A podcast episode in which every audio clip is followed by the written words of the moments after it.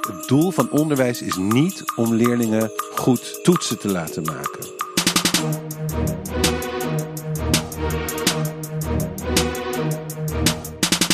En een toets kan ook een goed middel zijn, Thijs. Ik ben niet alleen maar negatief over toetsen.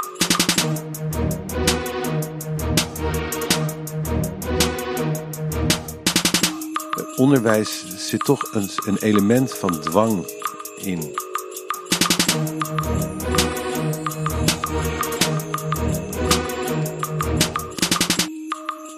Dames en heren, hartelijk welkom bij deze tiende podcast alweer. De tiende aflevering van eh, 88 toetsen.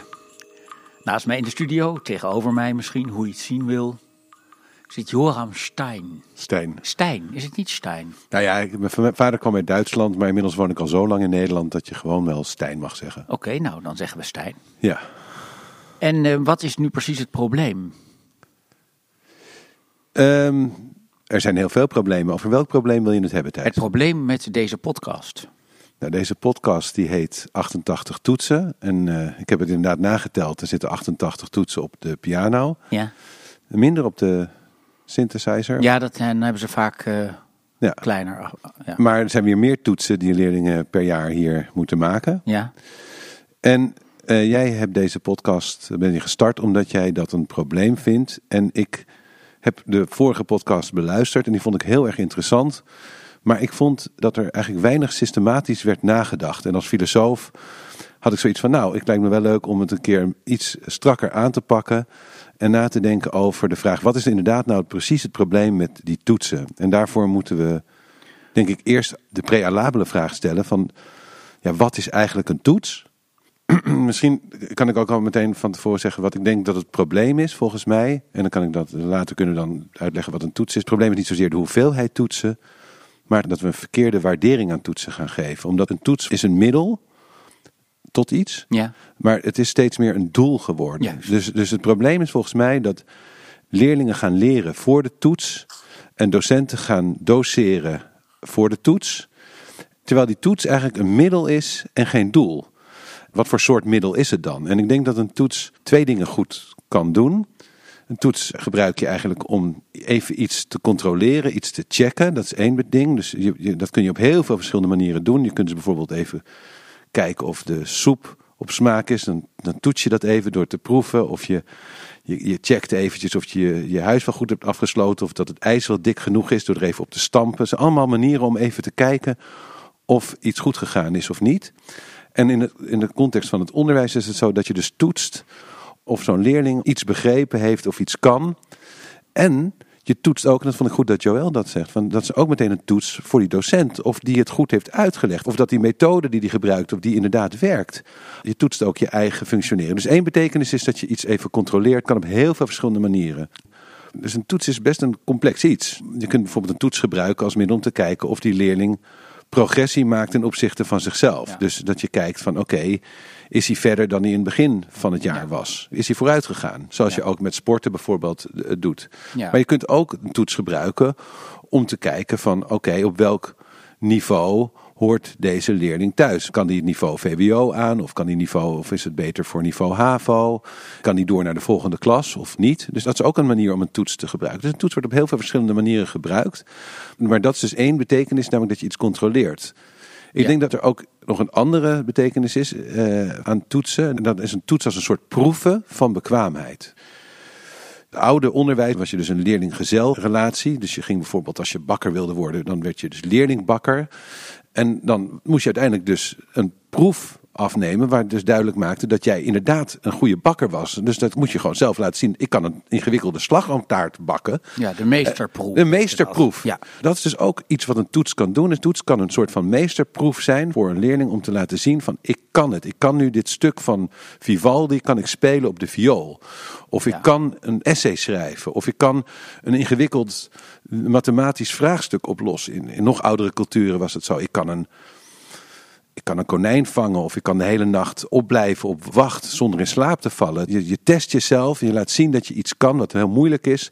En daarmee word je dus als het ware opgenomen in een gemeenschap van volwassenen. Of een, uh, het is een soort van initiatierieten. Daar zijn toetsen ook geschikt voor. Maar hoewel een toets dus op heel veel verschillende manieren gebruikt kan worden en best een complex ding is, moeten we één fout niet maken. Uiteindelijk, het doel van onderwijs is niet om leerlingen goed toetsen te laten maken. En nou ja, goed, ga ik toch weer het iets versmallen, dat begrip toets. Want in de context van het onderwijs, en ik denk dat is ook waar de irritatie in zit, is dat de toets is. Wat zijn nou die 88 toetsen, of dat zijn er wel meer? Jij noemt dat klassikale toetsen, dat die leerlingen worden dan neergezet en ze moeten het hoofdstuk wat ze net geleerd hebben kunnen reproduceren op de toets. Dus er worden dan een aantal vragen gesteld om te controleren of ze dat hoofdstuk wel goed uh, begrepen hebben. En die leerlingen zijn dan nerveus en die hebben eigenlijk niks gedaan aan dat hoofdstuk. En dan de dag voor de toets gaan ze dus heel hard leren voor die toets. En dan zijn ze het de volgende dag weer vergeten. Hè? Dus dat is dat bulimia leren. Je eet het allemaal op en dan kot je het uit op die toets en daarna ben je het kwijt voor altijd. En dan, dan wordt die toets een doel in plaats van een middel. Ja, dus je moet ook nadenken van wat is nou uiteindelijk het doel van onderwijs en hoe kun je toetsen zo gebruiken om dat doel te dienen. Dus je moet eigenlijk echt dieper nadenken over wat je uiteindelijk het doel van onderwijs vindt. Wat het doel van onderwijs is. Ik denk dat het doel van het onderwijs uh, niet is dat je er leert hoe je als scholier kunt gedragen. En dat is wel vaak wat we leren aan kinderen. Dat is die spreuk non vitae sed scholae discimus. We onderwijzen niet voor, voor het leven, maar we onderwijzen voor de school. Ja, we onderwijzen niet voor de school, maar voor het leven. Ja, maar dat is dan omgedraaid. En dan zeggen we non scholae sed vitae. Maar eigenlijk is dus het oorspronkelijke citaat een soort boos citaat van... wat zijn we nou toch aan het doen? We zijn de kinderen aan het leren om een goede scholier te worden... in plaats van dat we ze leren hoe ze moeten leven. En... Uh, nou ja, ik denk dat Maria Montessori daar hele wijze dingen over heeft gezegd. Als ze de centrale plaats van de persoonlijkheid van het kind aanwijst. Dat is het doel waarop we ons moeten richten. Ja. Nou, en dan is het natuurlijk volstrekt duidelijk dat als je kinderen leert door een hoepeltje springen, van toets naar toets te hoppen, dat je hen dan niet vormt tot zelfstandige wezens, maar dat je hen onderwerpt, zeg maar, aan een dreiging, aan een zinloze dreiging. Nou ja, kijk, het, hangt er dus een beetje van af ehm, hoe je die hoepel inricht. dus als je, dus, als je bijvoorbeeld denkt aan zo'n meesterproef, dan kan dat dus een hele betekenisvolle hoepel zijn om doorheen te springen. Ja. Um, maar als die sprong door die hoepel gewoon alleen maar betekent dat je voor één dag oefent om door die hoepel te springen en dan daarna eigenlijk vergeten bent hoe je dat hebt geleerd en je er ook verder nooit meer iets aan hebt en je er ook geen andere waarde aan hecht dan door die hoepel springen. Terwijl het gaat natuurlijk niet om door die hoepel te springen, maar het gaat om dat door die meesterproef af te leggen, je laat zien dat je iets begrepen hebt of iets kunt. Ja. Dus de toets is een middel om te kijken of je iets begrepen hebt of iets kunt. Maar nu wordt het zo dat het, het gaat niet om dat je iets begrijpt of iets kunt, maar het gaat erom dat je die toets hebt gehaald. Dus dan is een omdraaien van doel en middel. En dat is denk ik, naar mijn idee, het grote probleem. En bij filosofie leren we dus leerlingen altijd het verschil tussen instrumentele waarde en intrinsieke waarde. Dus iets heeft instrumentele waarde. Uh, bijvoorbeeld uh, geld heb je nodig om, uh, voor heel veel dingen. Maar het is niet waardevol op zichzelf. Want als jij een zwembad vol met geld hebt en verder heb je eigenlijk niks. Het is alleen maar waardevol als middel om andere dingen te doen. Ja, we leven nou eenmaal in een maatschappij waarin eigenlijk voortdurend die fout wordt gemaakt. Dat we de middelen belangrijker gaan vinden en de doelen vergeten. Ja, en, ik merk bijvoorbeeld dat als ik met kinderen praat, vooral in de eerste klas, als ik praat over persoonlijkheid, over luisterhouding, over vriendschap, over de waarden van het leven, dat ze je aankijken van, huh, daar hebben we het nou echt nooit over. Nee. En dat, uh, dat is natuurlijk wel ongelooflijk uh, belangrijk. Dat is waar we het eigenlijk over moeten hebben met elkaar. En misschien is ook het becijferen en het toetsen ook wel een manier om het over de andere dingen niet te hoeven hebben. Misschien is het ook wel een beetje uit angst geboren. Dat, we, dat je denkt, als ik de kinderen niet meer een toets kan geven, wat moeten we dan doen? Zouden we het dan, oh god, zouden we het dan moeten hebben over wie ze zelf zijn of wie ik zelf ben of zo? Misschien is het wel gewoon veiliger om, om het contact met de kinderen te reduceren tot een contact van ik beoordeel jou en jij levert je werk in. Ja. Nou ja, en dus de dingen die jij noemt, dat zijn dus inderdaad intrinsieke waarden zoals vriendschap. Je zegt niet tegen een vriend van ja, je bent een vriend omdat je zoveel geld hebt. Of, uh, dus dat is dan een omkering van instrumentele en intrinsieke waarden. je bent mijn vriend omdat je mijn vriend bent. Ik ben niet muziek aan het doen omdat ik dan een team kan halen, maar ik ben muziek aan het doen omdat ik muziek mooi vind en het fijn vind om muziek te maken. En ik vind het fijn om de wereld te begrijpen. Ook kennis is een intrinsieke waarde en ook dingen kunnen is een intrinsieke waarde. Dus de beloning voor dingen leren en dingen begrijpen zit hem niet in een goed cijfer, in iets extrinsieks, maar het zit in iets intrinsieks. Het zit in het begrijpen zelf en in het kunnen zelf. Dat is de beloning.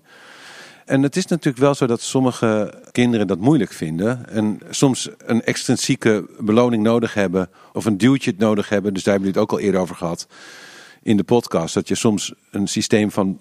Goh, nu heb je het goed gedaan. Nu krijg je een, een ei over je bol of een koekje. Uh, omdat ze uiteindelijk moeten leren dat de beloning niet zit in dat koekje en die ei over die bol. En ook niet zit uit angst voor straf. Maar dat die beloning zit in het werken zelf. Ja, nou dat is gewoon, wat jij nu zegt, is gewoon helemaal Montessori. Hier schrijft ze in hoofdstuk 12 van Door een kind naar de nieuwe wereld. Ik heb dat al twee keer eerder voorgelezen in de podcast, maar ja, waarom ook niet? Hier.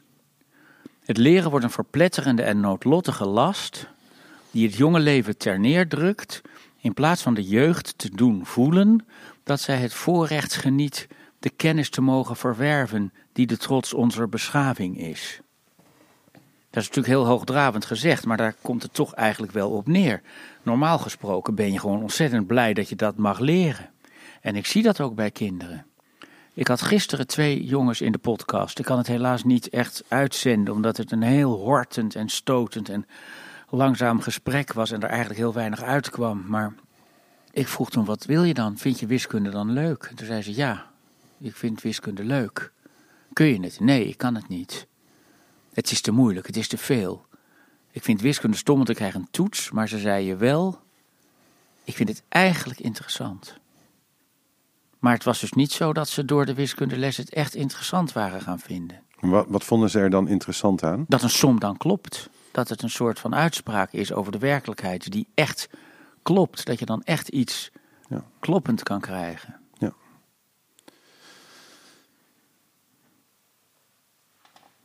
Nou, even kijken hoor, want wat hebben we tot nu toe behandeld? Dus, dus het probleem is, wat is nou precies het probleem met die toetsen? Want ik vond eigenlijk een heel interessant gesprek, vond ik dat wat je had met Joël. Omdat hij als advocaat van de duivel zei van, ja, school hoeft niet allemaal leuk te zijn. School is gewoon werk. En die leerlingen moeten ook leren om te werken. Van die toets, het is niet zo dat ze niks meenemen, ze nemen toch altijd wel iets mee. En wat zei hij nog meer? Hij, uh, nou, hij zei best wel veel dingen en ik vond sommige dingen daarvan best zinnig overkomen. Maar ik denk, uiteindelijk wat er, wat er mist volgens mij in zijn verhaal is van oké, maar wat is dan uiteindelijk het doel van onderwijs? En hè, dus het doel van onderwijs, als je daarover gaat nadenken en ook hoe daar in de maatschappij over wordt gedacht, is dat bijvoorbeeld een doel van onderwijs is dat we gewoon arbeiders opleiden voor de arbeidsmarkt. Nu is er bijvoorbeeld een discussie dat leerlingen kiezen allerlei studies die niet helpt om zeg maar een lacune op te vangen die we in de arbeidsmarkt hebben. Dus eigenlijk zijn we een soort van lopende band productie voor fabrieksarbeiders uh, als school. Dus school dient een economisch belang. Dat is één, één idee van onderwijs dat best sterk is. Andere is van het doel van onderwijs is om leerlingen op te leiden tot brave burgers van de maatschappij. Hè. Dus dan al die problemen die we hebben, dat mensen zich niet goed gedragen, dat ze in de criminaliteit gaan of radicaliseren. Dat moet eigenlijk maar door het onderwijs opgelost worden. Dus het onderwijs is dan bedoeld om goede burgers te maken van leerlingen. Dat is ook een maatschappelijk idee wat leeft. Ik denk dat ik met beide zeer sterk oneens. Eigenlijk is het doel van onderwijs onderwijs. Er is niet een extrinsiek doel aan onderwijs. Nou ja, ik weet er wel twee die belangrijk zijn, of misschien wel drie. In de eerste plaats persoonlijkheidsvorming. In de tweede plaats uh, kennisoverdracht. Dat je deel krijgt aan de cultuur, aan de kennis. Dat de kinderen kennis maken met Beethoven. Dat ze leren wat het is.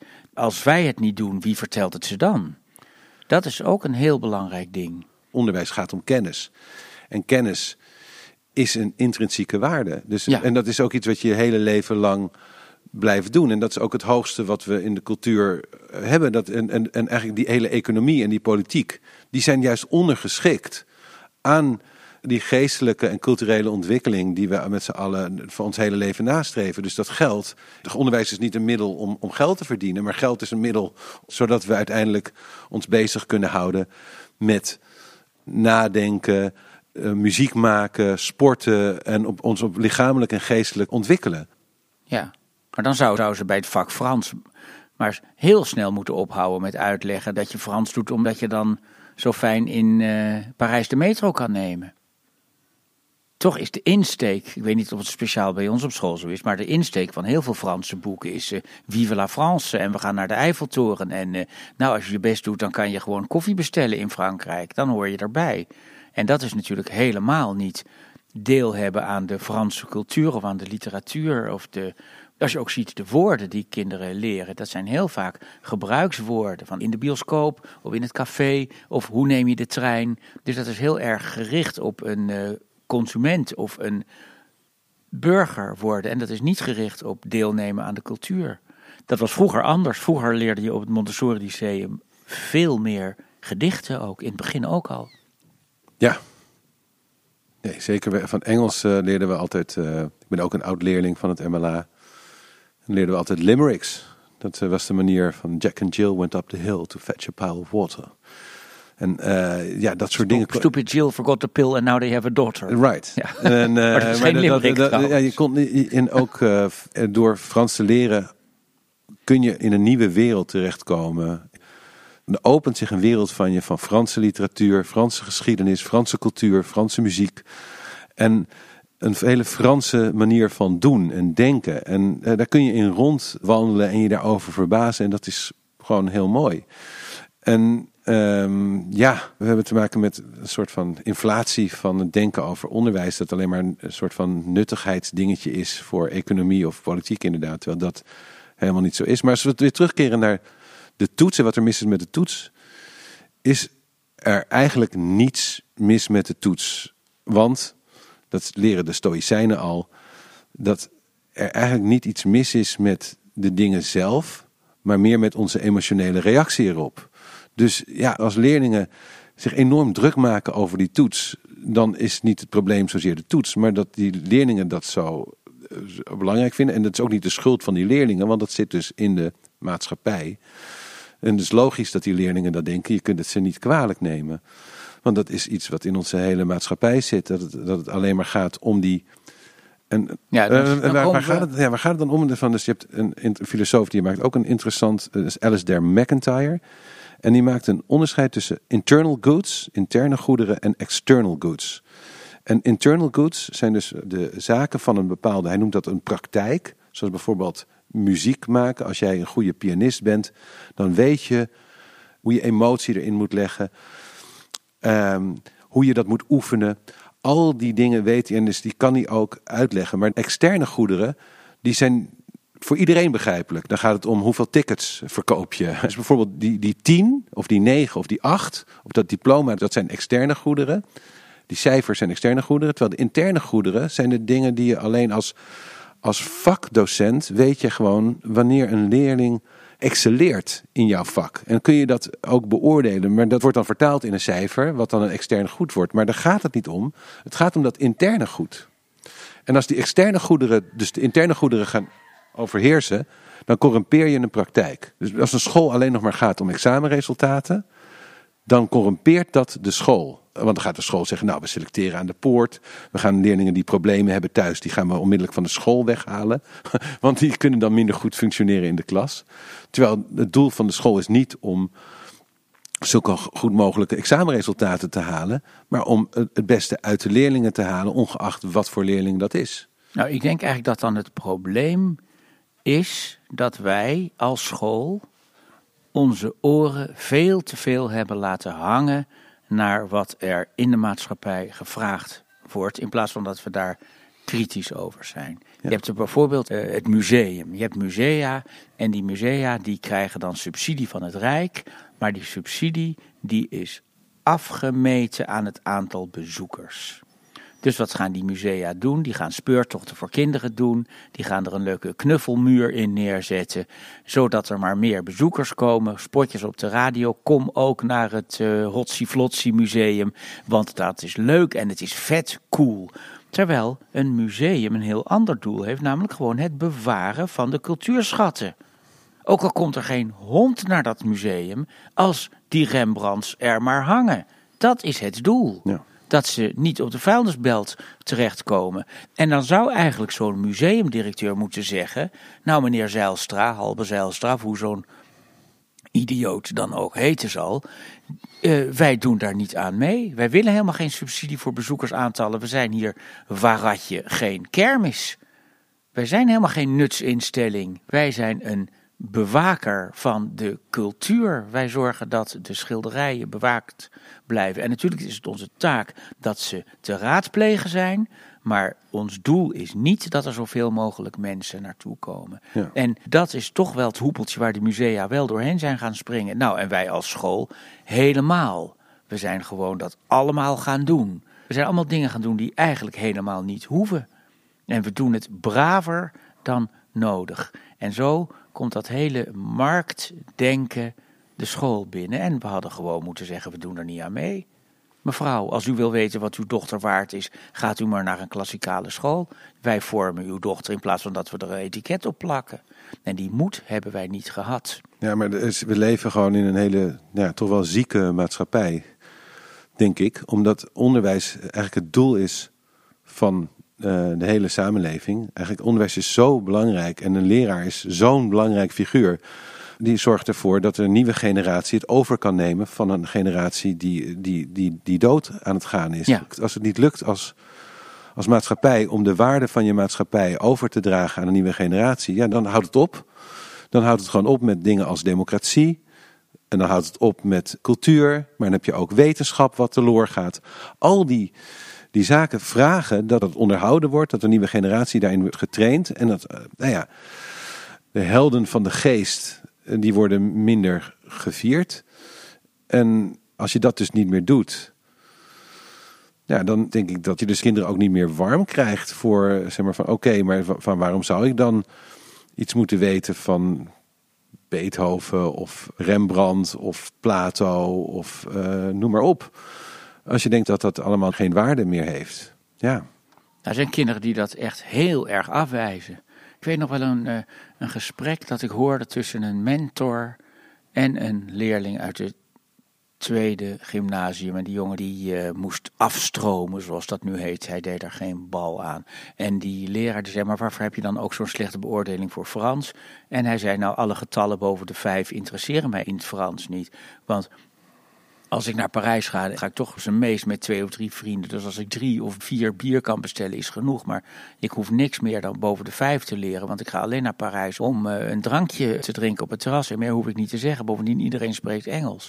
Die jongen was hoogbegaafd overigens, maar die werkte niet. En dat was een, van een triestigheid. Die wilde helemaal niks. En ik was toevallig in dat lokaal, omdat ik iets aan het repareren was daar of zo. En op een bepaald moment kon ik me bijna niet inhouden. Ik, zou, ik had wel keihard willen roepen van... jongen, wat ben jij een, je een ongelofelijke brutale aap. Wat denk je wel? Maar dat deed natuurlijk niet. Maar ik vond dat van een nihilisme en een, en een cynisme ook van dat kind. Dat hij gewoon helemaal niks wou.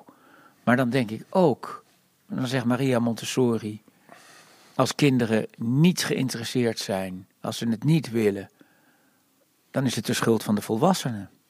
Ik denk niet dat het de schuld van de kinderen is. Ik denk dat wij iets fout doen. En niet misschien zozeer de leraren, maar misschien ook de ouders of iedereen in de maatschappij. Nou ja, kijk, ik denk dat we. Ik bedoel, Maria Montessori is heel belangrijk, maar uh, we leven wel echt in een andere context dan Maria Montessori. Je hebt nu een entertainment-industrie die echt zo geweldig verfijnd is, zo slim. Daar zitten de slimste mensen zijn er bezig in Silicon Valley om voortdurend de aandacht te vragen van kinderen. Ja, dat is bekend. Dat is begonnen met de tv. Dat je dus uit je hoofd kan zetten dat de aandacht van de kinderen meer naar jou uitgaat dan naar andere dingen. Vroeger was dat natuurlijk heel anders, maar nu is het zo dat iedereen om de aandacht van die kinderen schreeuwt en we leggen het af tegen de mobiele telefoon. Ja. Net zoals vroeger ook al tegen de tv. En wat het dan maakt is dat je eigenlijk te maken hebt met een toxische, een eh, giftige samenleving waarin eh, de kindergeest al heel snel verslaafd wordt gemaakt aan allerlei kortstondige dopamine prikkels die je ontvangt door even te swipen, te gamen, te filmpje te bekijken. Het is instant gratification. En dat maakt datgene wat kinderen vroeger dus wel makkelijker deden, namelijk dat ze van nature gingen leren, is geen vanzelfsprekendheid meer. Dus je zit echt Ik met. denk dat je, dat je vroeger ook instant gratification had. We leven nu in een maatschappij van overvloedige prikkels. In de 17e eeuw in Nederland had je dan van die dominees die ook uren preekten, maar mensen konden daar gewoon, het gewone volk kon daar gewoon uren naar luisteren, omdat ja, dat was hun entertainment op dat moment. Maar nu, als je gewend bent in een hele snelle eh, eh, prikkels, dan op een gegeven moment stomp je af. Dus je ziet een zekere afstomping van de geest. Een voorbeeld is dat ik als filosofiedocent merk dat in de, ik geef nu sinds 2003, dus al meer dan 20 jaar. Ik ga je even onderbreken, want ik denk dat het niet zo is. Oké. Ik heb eh, vanmorgen les gegeven aan MAVO 1. En ik, kinderen komen binnen en ik zet ze op een stoel. Ik geef ze een eigen stoel. Ik zeg jassen uit, telefoons in die tas. En dan zeg ik zo en nu allemaal stil. Bij de eerste les heb ik gezegd, je moet echt stil zijn. Nou, dan zijn ze stil, dan worden ze stil. En dan zet ik zo, boem, de Moonshine Sonate aan. Nou, de zeven minuten. En meestal zijn die kinderen na drieënhalve minuut overvoerd. Want ze zijn gewend dat een liedje drieënhalve minuten duurt. En nu luisteren ze zo, zo de hele zeven minuten. En dan is het klaar. En dan blijven ze daarna nog stil. En dan denken ze, hè hè. Ik weet niet precies wat ze denken natuurlijk, maar dan is er een soort van stilte, een soort van rust. Heel weldadig. Een soort eh, de tijd nemen is er dan. Dus ik denk dat juist als die hele wereld helemaal TikTok, snelle filmpjes is, dat er voor ons een ongelofelijke kans ligt. En dan moet je niet Kahoot gaan doen. En dan moet je ook niet eh, makkelijke vraagjes gaan doen. Maar dan moet je gewoon mooie, langzame dingen doen. Een verhaal vertellen dat lang duurt, interessant, stil. Ik geloof helemaal niet dat kinderen echt afgestompt zijn. Je kan toch ook uit een oorlogsgebied komen? Er was een meisje hier op school die, die kwam regelrecht uit Aleppo. Die had allemaal echt gewoon, het was een wonder dat ze nog leefde. Ze had de bommen zien vallen in de straat en in, zelfs in haar huis. Die kwam hierheen en die ging viool spelen. Dat kon ze gewoon. Ze kon het leren, ze kon zich ertoe zetten. Dan zou je toch zeggen, dat kind is gewoon totaal verpesten door die bommen, maar dat was niet zo. Je kan toch gewoon die mobiele telefoon wegleggen en zeggen: Zo, nou heb ik het gehad en nou ga ik weer normaal doen. Ik geloof dat als jij denkt dat kinderen echt verpest zijn, dan onderschat je kinderen. Ze kunnen er zo mee stoppen en het weer beter doen. Nee, ik wil ook niet zeggen dat kinderen verpest zijn. Wat ik wilde zeggen is dat, wat ik in de twintig jaar of meer dat ik hier lesgeef, merk dat in de eerste 10, 15 jaar konden ze zonder veel moeite een vraag bedenken. Nu vinden ze het heel moeilijk om een vraag te bedenken. Of als ze een vraag bedenken, voelen ze nog meer schaamte om hem te stellen dan ze vroeger deden. Dus die twee dingen spelen een rol. Aan de ene kant lijkt het alsof ze niet meer gewend zijn om gewoon zich dingen af te vragen. Want vragen zijn misschien geworden tot dingen waar je razendsnel via Google of een andere zoekmachine een antwoord op kunt vinden. Dus dat je bij de vraag kunt verwijlen, dat je bij de vraag kunt blijven staan. En dan eigenlijk, we zijn nu bijvoorbeeld bezig met die vraag van, van wat is een toets en wat is er mis met de hoeveelheid toetsen. Maar dat je die vraag van heel veel kanten kunt bekijken. Dat het heel interessant is om bij zo'n vraag te blijven. En dat elk antwoord wat je geeft, dat die ook weer nieuwe vragen oproept. En dat je daar met elkaar over in gesprek kunt gaan. En zo eigenlijk heel diep in een onderwerp kunt duiken. En dat dat een mooie en prettige ervaring is. Dat kan ik nog wel leren, maar het kost meer moeite, merk ik, dan het vroeger was. Het misschien voor de kinderen die ik in de klas had, iets wat ze meer gewend waren dan nu. Ja. Dan ehm, kom ik uit bij die oude spreuk. Dat heb ik al van mijn moeder geleerd. En ehm, in die tijd al was het zo, toen was ik echt nog een kleine jongen, dat er kinderboeken waren die aansloten bij de belevingswereld van het kind. Kinderen konden alleen iets lezen of iets leuk vinden als het over henzelf ging. Over hun soort kind. Of uh, een meisje kan zich niet identificeren met een boek over een jongen. En mijn moeder die zei: Het is helemaal niet waar. Kinderen willen juist het andere horen. Kinderen willen juist naar een andere wereld meegenomen worden. En je moet niet aansluiten bij de belevingswereld van het kind, maar je moet de belevingswereld van het kind zijn. Dat is eigenlijk zoals ik het onderwijs uh, vorm geef. Dus die kinderen komen de klas binnen, ik geef ze een hand. Het uh, is volstrekt duidelijk, hier gaat het over iets heel anders. Wij gaan Beethoven doen. En Beethoven is dus niet ook een soort pop, ook best wel leuke muziek, zal je zien, vet cool. Nee, Beethoven is iets totaal anders. Iets wat ze niet kennen, is naar een ander land. En dat willen ze nog steeds. Dat willen mensen altijd. En uh, dat, dat is denk ik wat we kunnen en wat we moeten doen. En ik denk dus ook dat die toetsen, waar die kinderen zo op neerkijken, die ze zo verachten vaak, dat dat is omdat ze aan de ene kant te moeilijk zijn, want het zijn er te veel. Je krijgt het niet af en dan moet je er alweer een. Steeds stress. En aan de andere kant zijn ze ook weer te makkelijk. En dan, uh, dat zag ik bijvoorbeeld laatst, was er een collega, die zag ik in de docentenkamer. Zeggen ze, ja, het is een klassikale toets, maar het is een meeneemtoets, een opzoektoets. Ze mogen hun boek erbij houden, formatief, zeg maar. Uh, en, vraag ik, ik lees even voor mijn logboek. Zelfs het opzoeken is te moeilijk, zegt ze. Het antwoord staat in hun boek, dat hebben ze op tafel liggen, maar toch gaat het mis. Dus dan zie je dat die kinderen, ook al hoeven ze eigenlijk alleen maar iets in hun schrift op te zoeken, het gaat al niet. Het is te makkelijk. En omdat het te makkelijk is, kunnen ze geen motivatie opbrengen. En dan komen we eigenlijk ook een beetje uit bij die meesterproef van jou. Het is geen meesterproef. Het is een te makkelijk proefje. En daardoor gaan kinderen er ook hun best niet op doen. De, de, de toets opgeven is ook een brevet van armoede van de docent. Die de klas niet in beweging krijgt. Ja. Dus je hebt een klas en uh, er is geen land mee te bezeilen. Ze doen niks, ze zitten vervelend.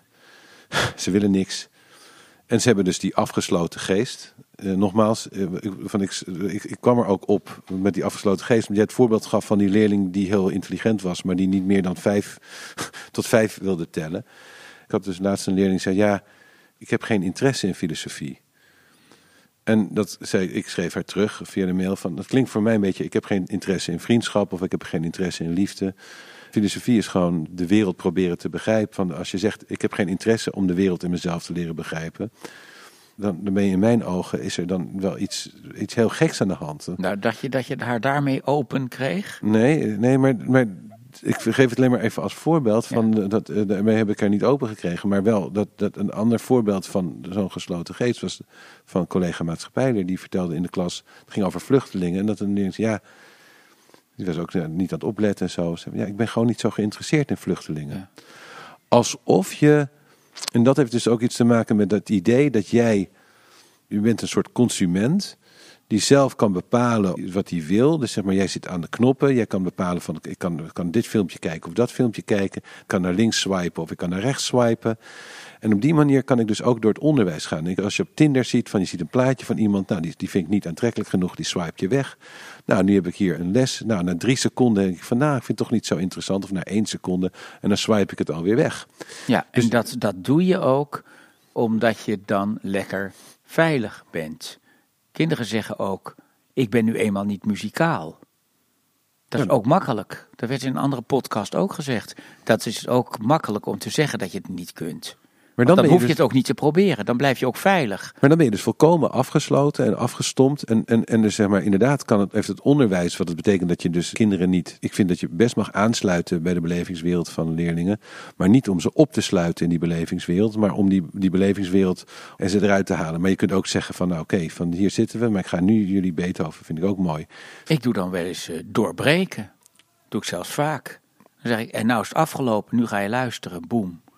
En dat werkt er twee kanten op. Aan de ene kant eis ik dus echt. Ik eis dat ze stil zijn en dat ze elkaar niet afleiden. En aan de andere kant eis ik voor mezelf dat als ze dan stil zijn, dat ik ze nooit iets laat horen wat niet de moeite waard is. Dan zorg ik dat als ik hun aandacht heb, of althans stilte heb, dat ik dan iets laat horen dat echt de moeite waard is. En meestal pakt het dan wel. Meestal kan je daar dan wel eh, mayonaise van gaan maken, wat ook een heel moeilijk proces is. Maar dan kan je dus het aan de gang krijgen. En als het één keer aan de gang is, dan is het heel makkelijk om het aan de gang te houden. Want dan zeggen ze, god, dit is echt een les, het gaat echt ergens over. Maar dat, nou, dat is dat, ik denk dat, doorbreken, dat- doorbreken, dat is het woord. Eh, onderwijs zit toch een, een element van dwang in. Denk. Nou, je moet dus bovenaan de apenrot staan, is wat ik geloof dat het is. Je moet je wil opleggen.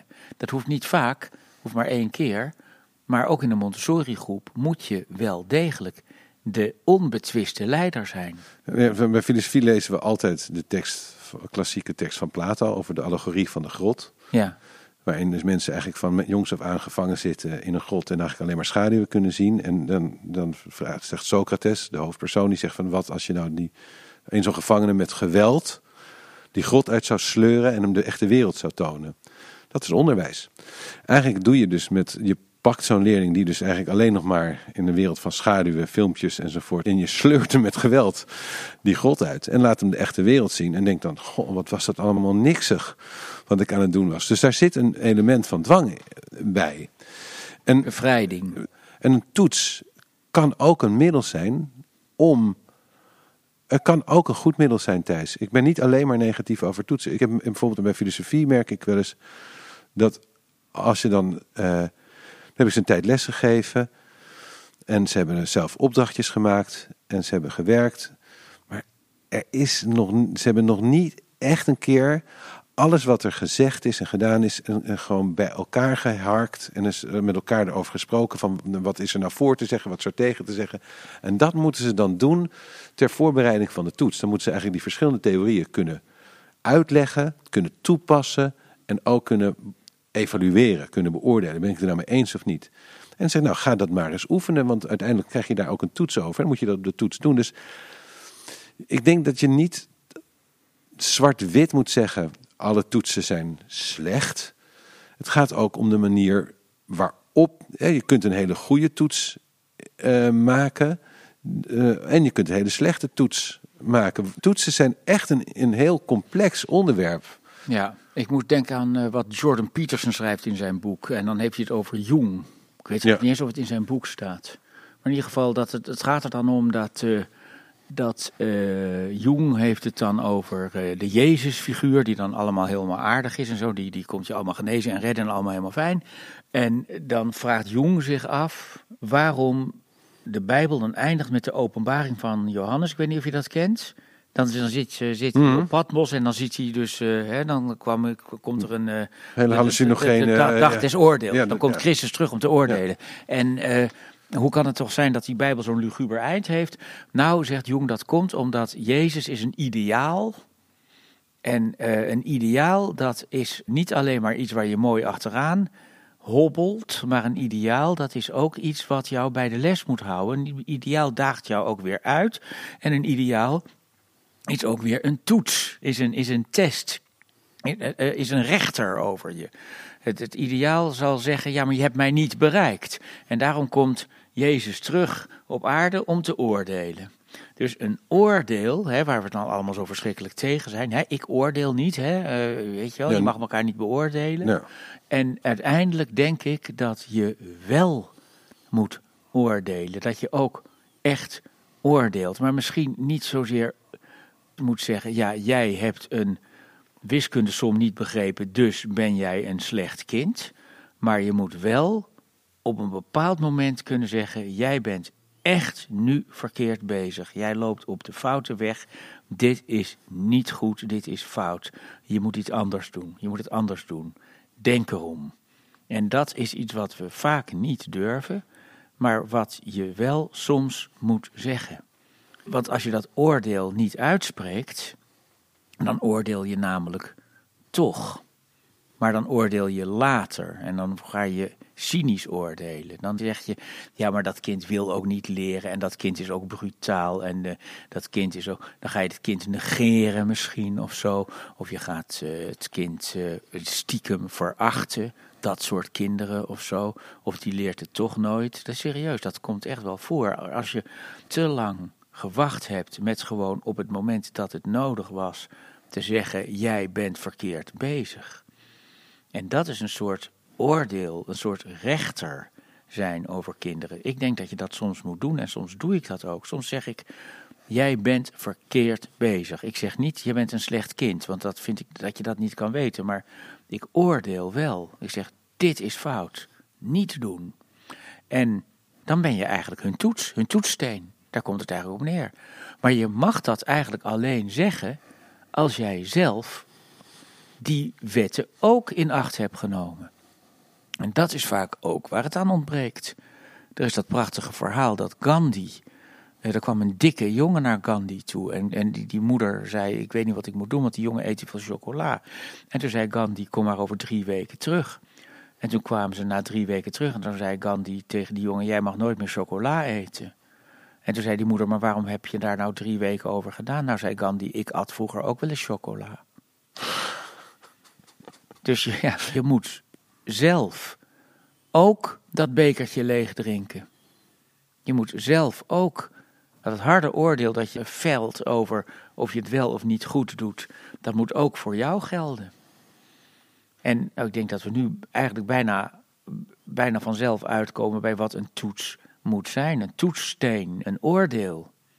Dat je zegt ja of nee. Dit is goed, dit is niet goed. Ja.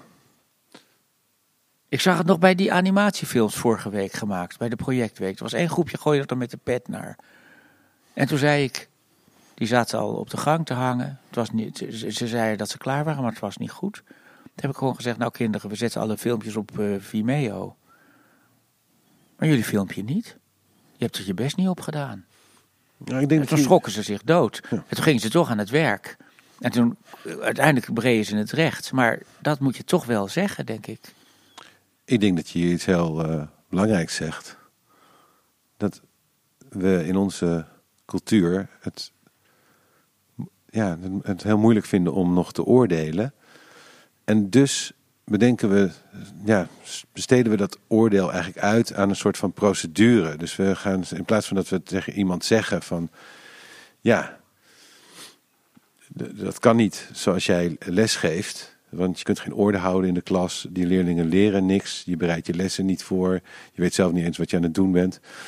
Zeggen we van uh, nee, we gaan een procedure door. Want niemand durft meer elkaar aan te spreken of te oordelen. Dat gaat voor collega op collega. Ja. Maar ook van ja, een leerling toe die dus gewoon zich misdraagt. Oh, dat vinden we dus heel moeilijk om te zeggen van nou, wat jij doet, dat kun je niet zo doen. Want ja, we mogen niet oordelen. En dat, dat bespreken we ook heel veel in de filosofieles. Want als het gaat over ethiek, over het nadenken over goed en kwaad, dan is altijd het eerste wat leerlingen zeggen. Dat wat goed en kwaad is voor ieder mens verschillend is. En dat je dus eigenlijk ieder mens in zijn waarde moet laten. Dus als wat de een het goed vindt, vindt de ander weer slecht.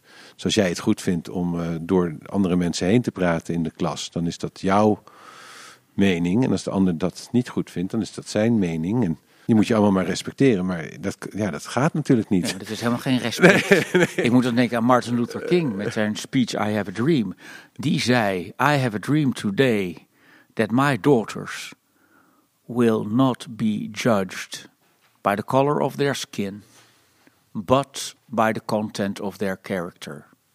Dus hij zei niet, I have a dream, ik droom dat mijn kinderen niet meer beoordeeld worden op de kleur van hun huid, punt. Nee, Hij zegt: Ik heb de droom dat mijn kinderen niet meer zullen worden beoordeeld op hun huidskleur, maar op de inhoud van hun karakter. Hij droomde ervan dat die kinderen wel beoordeeld zouden worden, maar niet op hun huidskleur, maar op wie ze waren. Dus hij sluit het oordeel niet uit.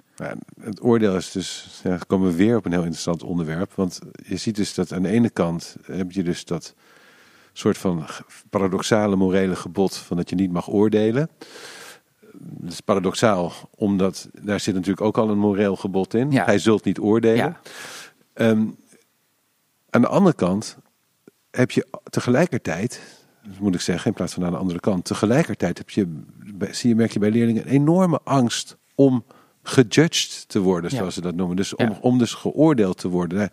En wie is dan degene die over hen oordeelt? En traditioneel was het natuurlijk God. Hè? Vroeger was men van de enige die echt uiteindelijk over jou zou oordelen, dat was God. Ja, Nou, dat, dat hebben we natuurlijk niet meer, want we hebben, leven in een volkomen eh, geseculariseerde cultuur. Ehm, maar wat dan nu het, de angst voor het oordeel is nu, de, is nu de angst van het oordeel van de anderen. Hoe de anderen over je denken. En dat is eigenlijk ook al beschreven door Alexis de Tocqueville, die naar Amerika ging en daar sprak over de tirannie van de meerderheid. Dus in plaats van dat er dus een koning is of iemand met macht, één persoon die een tiran is en die over jou oordeelt, is nu, wat nu het beangstigende is, is zeg maar wat de meute, wat de massa. Gaat vinden. Want die kan een oordeel, die kan jou als, en dan, dan word je dus gejudged door dus die hele massa, ja. die anoniem blijft. Ik denk dat die angst om gejudged te worden, het ontwikkelen van kinderen in de weg staat. Omdat ze dus niet durven een vraag te stellen, niet durven om iets te doen uit angst dat ze daarmee op zullen vallen en eh gejudged zullen worden. ja. Ja. En, ja. Ja. Dus ik denk, en ik denk dat we dus eigenlijk dan niet, dat we dat niet verhelpen door ze, door ze een toets te, te geven, maar wel verhelpen door ze af en toe te dwingen om uit hun comfortzone te geraken, om uit hun belevingswereld te geraken, om vrij te zijn in een andere wereld dan degene waar ze in zitten. En die ze eigenlijk heel erg onvrij maakt. En de enige die echt goed was in oordelen, was Vincent van Gogh. Dat moet je even uitleggen. Oordelen. Oor. Ja, dames en heren, dit was, eh, dit was eh, de tiende podcast. eh 88 toetsen. Joran, hartelijk dank voor je komst. Graag gedaan.